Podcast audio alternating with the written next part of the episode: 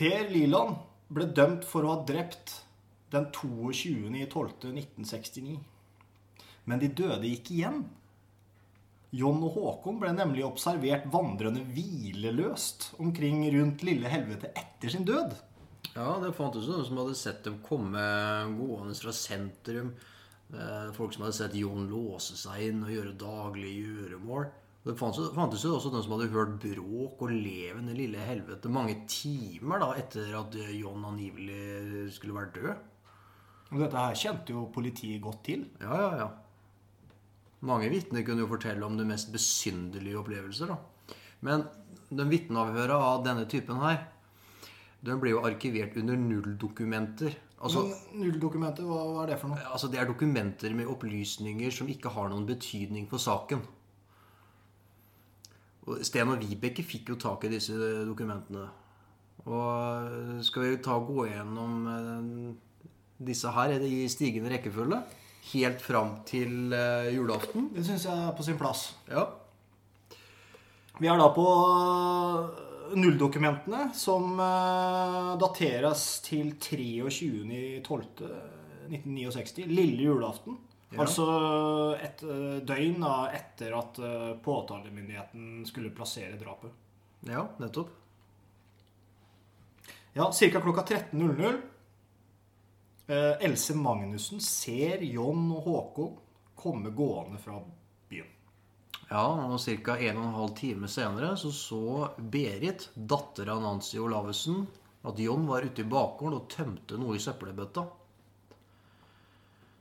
Ja, så 1717, ca. 1717 Toril Augunsen kjørte forbi Lille Helvete.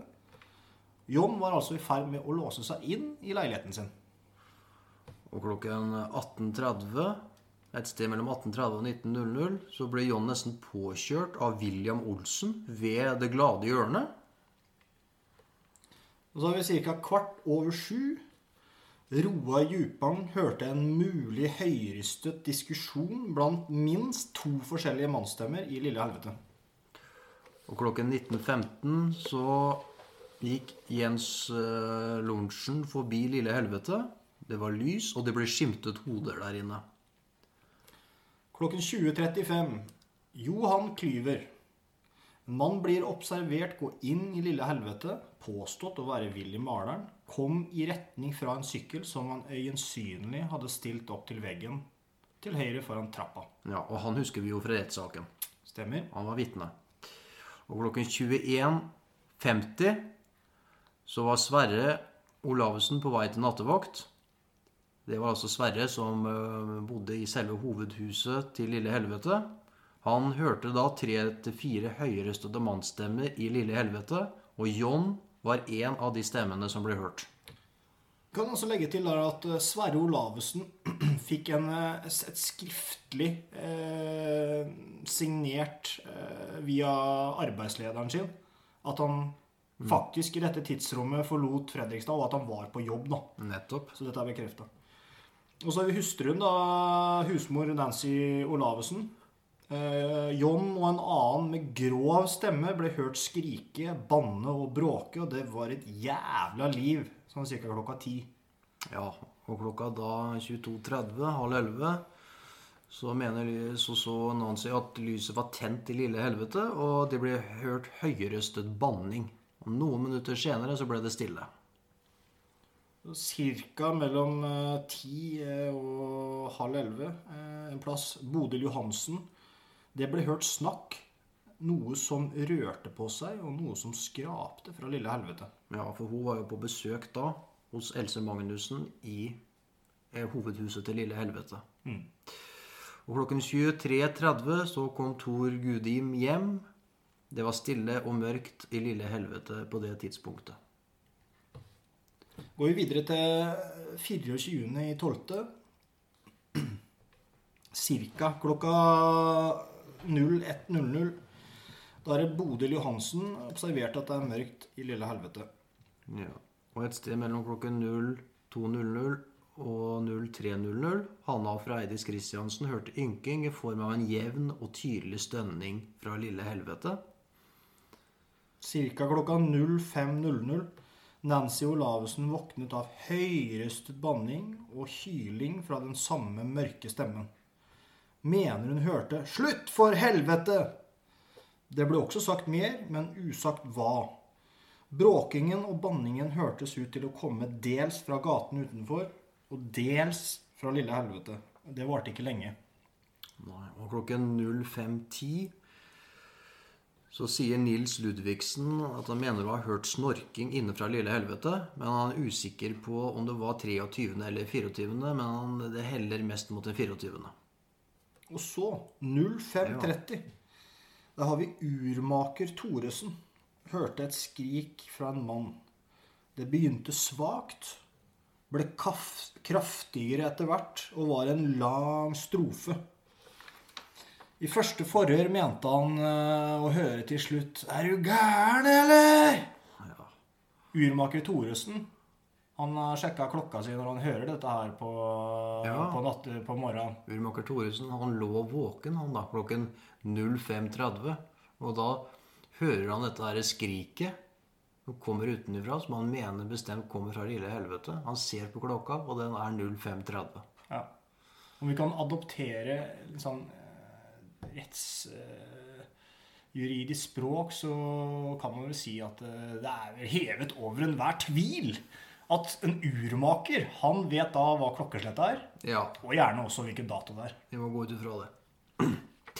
Og klokken 06.40 så kommer Rolf Kristiansen kjørende forbi lille helvete. Han ser da en halvfull mann som kommer ut av døra til lille helvete. Han så ikke at mannen kom ut av stedet, men han så at mannen gikk ned trappa, og dørene, døren til lille helvete ble stående litt igjen på gløtt da han gikk ut. Og da klokka kvart på sju kommer Sverre Olavesen hjem fra nattevakten sin.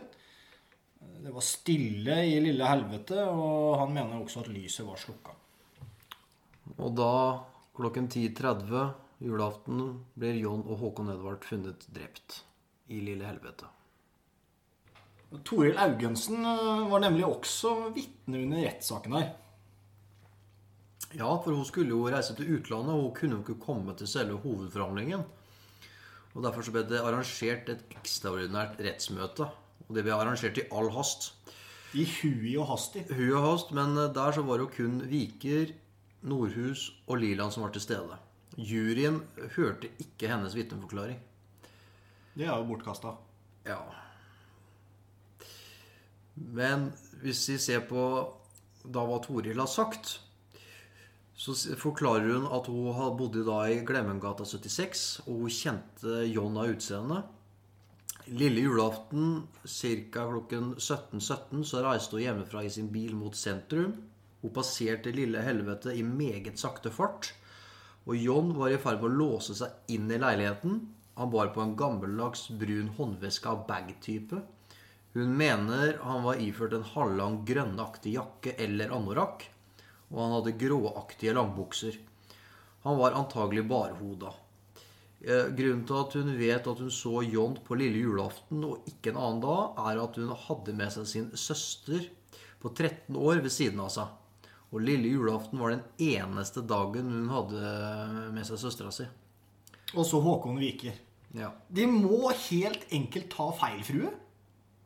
Ja, og aktoratet mente jo da at uh, Toril hadde sett svogeren til John, og ikke John sjøl. Og selv om det tidspunktet her ikke passer, da. Og med båndopptakeren på går Sten og Vibeke rundt om i Fredrikstad og banker på dører. Mm. Først går turen opp til Sverre og Nancy Olavesen, altså paret som bor i hovedhuset Lille Helvete. De banker på døra. Sverre åpner. Sten og Vibeke presenterer seg og forteller at de er her i anledning øksedrapssaken. Sverre sier at de akkurat nå er opptatt med å se en film eh, på TV. En svensk film, forresten. Men hvis de kommer tilbake i morgen, så vil de svare på det de eventuelt skulle bli spurt om. Så Sten og Vibeke returnerer da dagen etter, og Sverre serverer kaffe. Ja da. Han eh, forteller at han eh, jobber som vaktmann hos eh, vaktkompaniet. Og natt til julaften skulle Sverre på nattevakt. Ja, jeg hørte tydelig John på kvelden. Det var lille julaften når jeg skulle reise til Sarpsborg på jobb. Altså straks før ti på kvelden. Jeg skulle være i Sarpsborg klokka elleve. Og den, måtte, måtte ta Ti-bussen fra Røde Mølle. Ja, altså Rett etterpå så hadde Nancy gått ut og hørt på dem. Det var noen ca. kvarter etter at Sverre hadde gått. Og jeg hørte dem òg, sier Nancy. Det var et jævla liv. De skrek og banna og bråka, og det var John og en annen person som hadde grov stemme. Når jeg kom eh, hjem da kvart på sju på morgenen, så var det helt stille. Ja, og så, så Da spør Ekerot liksom, er dere sikre på at det dere forteller, fant sted på lille julaften. Ja, visse saker setter seg fast i ens minne, sa Sverre. Og Sverre Olavsen har jo da Det nevnte vi ved disse tidsangivelsene fra nulldokumenterte vitner. Ja, Sverre Olavsen har en skriftlig dokumentasjon i form av en erklæring fra vaktkompaniet at han hadde nattevakt natt til 24. desember. Altså Herr Sverre Olavsen, Glemmengaten. Her, foranlediget av deres forespørsel, tillater vi oss herved å opplyse at de natt til 24. desember 1969 utførte tjeneste i Sarpsborg. Med vennlig hilsen signert sjef Reidar Stangeborg. ja. Og da spør jo Vibeke med en gang uh, hvorfor dette her ikke har blitt tatt opp i retten. Hvorfor ikke de har blitt innkalt dit. Ja, Det lurte jo, det, det lurte jo vi òg på. dessverre. Ja. Men forklaringen deres blir jo nevnt av Viker, da. Av de personer som hadde sett og hørt John på lille julaften. Men Viker ga jo følgende karakteristikk i sin sluttprosedyre, som ikke jeg tok med i stad, hvor han sa følgende Disse vitner kan dere se helt bort ifra uten skrupler. De har ingen forankring i mulighetenes verden. Nancy kommer da med en eh, bemerkning. Hanna har sagt at politiet stolte på henne, men ikke på oss. Men kan de stole på hva en sånn som hun sier, da? Ja, da kan de ikke ha store, mye store krav til vitner, i hvert fall. Ja, hvordan har hun spør Ekerot. Ja, De får gå inn til henne sjøl, da, vet du, så får du se. Jo da, altså Sten og Vibeke de tar jo turen til Hanna, da. Og de konfronterer henne med de opplysningene hun ga under avhør, og som hun endra på i retten. Og holder fast på den forklaringa hun ga i retten. Og Videre kommer jo samtalen over på Sverre og Nancy da sine observasjoner lille julaften. Og da eh, sier Hanna følgende om Sverre og Nancy da, at eh, åssen har Sverre og de fortalt dette her, da? Har de dikta opp en hel bråte nå? Du kan ikke høre på de menneskene der. Du kan ikke Han Sverre har ikke noe greie på det der. Ja, det var godt jeg fikk snakka til dere. Du vet at en av oss satt vi ute på trappa alle sammen. Så sier jeg til han Sverre Du må vite hva du sier, sa jeg. Ja, vi vet hva vi sier, vi, sa Sverre. Det er en sånn tusting, det au. Han holder med kjerringa si i alle deler, selv om hun er helt gæren. Hva han Sverre og dem sier. Å, herre min gud, det går ikke an. Så Hanna hun er jo veldig klar eh, i forhold til hva hun har eh, sagt. Det har hun kontroll på. Eh, Finn, som er barnebarn til Hanna, han hadde besøkt henne lille julaften og julaften. Så Sten og Vibeke de tar turen for å besøke Finn og hans mor, som da igjen er dattera til eh, Hanna. Og han forteller det samme til Sten og Vibeke som han ga i, i, i politiavhør. Han er sikker på at det var julaften bestemor fortalte at hun kvelden forut, altså lille julaften, hadde hørt at det var slagsmål i lille helvete. Bestemoren har ikke noen gang sagt til ham at hun har hørt eh, bråk inne hos John mandag 22.12. Nei, Nei, det var klart tale. Og etter det så tar de jo turen tilbake til Sverre og Nancy. Og nå har jo da Sverre og Nancy en uhyggelig historie å fortelle. De kunne fortelle at på vinteren før drapene hadde leiegården hatt besøk av en merkelig mann. Denne mannen det er snakk om, hadde vandra rundt husveggene og titta inn gjennom vinduer. Nancy hadde da gått ut og spurt hvem han var og hva han ville, men mannen svarte aldri på tiltale. Men det merkelige med denne mannen da, det var at han alltid hadde en hanske, men kun på den ene hånda. Og Sverre hadde jo òg sett eh, denne mannen her. Han hadde jo uh, måtte sjekke opp om det her muligens uh, ikke kunne være noe fri fantasi, for det hørtes jo merkelig ut, som han sa. Men mannen var virkelig nok han. Og ifølge Sverre så var mannen noe høy. Han var nokså bastant. Han var mellom 40 og 50 år. Nokså hardt ansikt. Merkelig type. Virka ikke helt nor normal, sa Sverre. Ja, han syntes vel rett og slett mannen virka skummel. Ja, han syntes rett og slett mannen så skummel ut. Og han tenkte jo etter, etterpå da, på muligheten om mannen kanskje kunne være en tidligere pasient fra Vium sykehus. At dette kanskje var rett og slett psykiatrisk, et psykiatrisk tilfelle. Ja, for det var på vinteren uh, før drapene at uh, John hadde vært hjemme alene i, i, lille helvete. Ja. Og den mannen hadde da stukket hånda inn gjennom vinduet og strukket seg etter John. Ja. det var jo noe som gjorde han John veldig redd, da. Ja, ja, ja. Tenk deg at du sitter der alene i leiligheten din, og så ser du plutselig bare han med en hanske som da strekker seg inn gjennom vinduet og strekker seg mot deg. Dette her hadde altså John opplevd. Og så var det en natt rundt sånn klokka to-tida. Ja. Så hadde en eh, C-bil, altså en liten skranglete folkevogn, eh, parkert i gården. Personen i bilen hadde banka på ruta flere ganger. Den ene personen hadde en dokumentmappe og var iført en spraglete grå tweedjakke. De hadde ikke kjørt normalt. De hadde rygga hele veien fra porten og opp bakken uten å snu bilen. Deretter kjørt forbi huset. Mm. Og Det kan jo nevnes at det er notert at registreringsnummeret på den bilen inneholdt tallet 47. Ja. Det var det de hadde fått med seg. Det var jo mørkt, og de kjørte av gårde. Men hvem er den der, Hvem var den mannen, da? Hvem er mannen med den ene hansken? Ja. For etter drapet så hadde han jo forsvunnet. Da hadde han jo ikke vært å se i det hele tatt.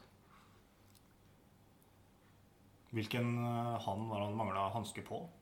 Det blir ikke sagt. Eller hvilken han var han brukte hanske på? Det blir ikke sagt noen ting om. Men altså, på vinteren før drapene så hadde den der mannen gått og spankulert og titta gjennom vinduer og vært interessert i Lille Helvete og John og Se, merkelig. Se for deg at du ligger der eh, alene trekkfulle Lille Helvete. Ja, ja, ja. ja. Og så plutselig så kommer det bare en svær lank strekkende inn gjennom vinduet. da. Da tror jeg nesten det hadde kommet ut teskje bløtt hos meg. i hvert fall. Creepy. Men det er ikke bare Sten og Vibeke som uh, har besøkt paret Olavesen. Uh, Roar Martinsen fra Kripos hadde også avlagt uh, Ja. et besøk igjen da, siden forrige gang her. Ja. Og anledningen for besøket det var at Martinsen hadde da fått opplysninger om at Sten og Vibeke gikk rundt da og banka på dører. Og da hadde de tatt turen til Sverre og Nancy. Og da hadde de, Sverre og Nancy blitt avhørt én av gangen. Og Sverre måtte da sitte ute på kjøkkenet med lukka dør. Og de spørsmålene som Martinsen stilte, det var om Sten og Vibeke da hadde tatt bilder, og om paret Sverre og Nancy hadde blitt bestukket for å komme med opplysninger. Og det siste spørsmålet svarte de kontant nei på. Og Martinsen spurte også da om de trodde Sten og Vibeke jobbet for advokat Nordhus, som da forsvarte Liland. Men det hadde jo Sverre og Nancy sagt at det, vi, det trodde de ikke, og det hadde de heller ikke sagt noen ting om. Og, men så videre så kom jo spørsmålene inn på en annen person. Martinsen spurte om Sten og Vibeke hadde kommet med spørsmål angående denne personen. Og denne personen her gikk under navnet Stepperen.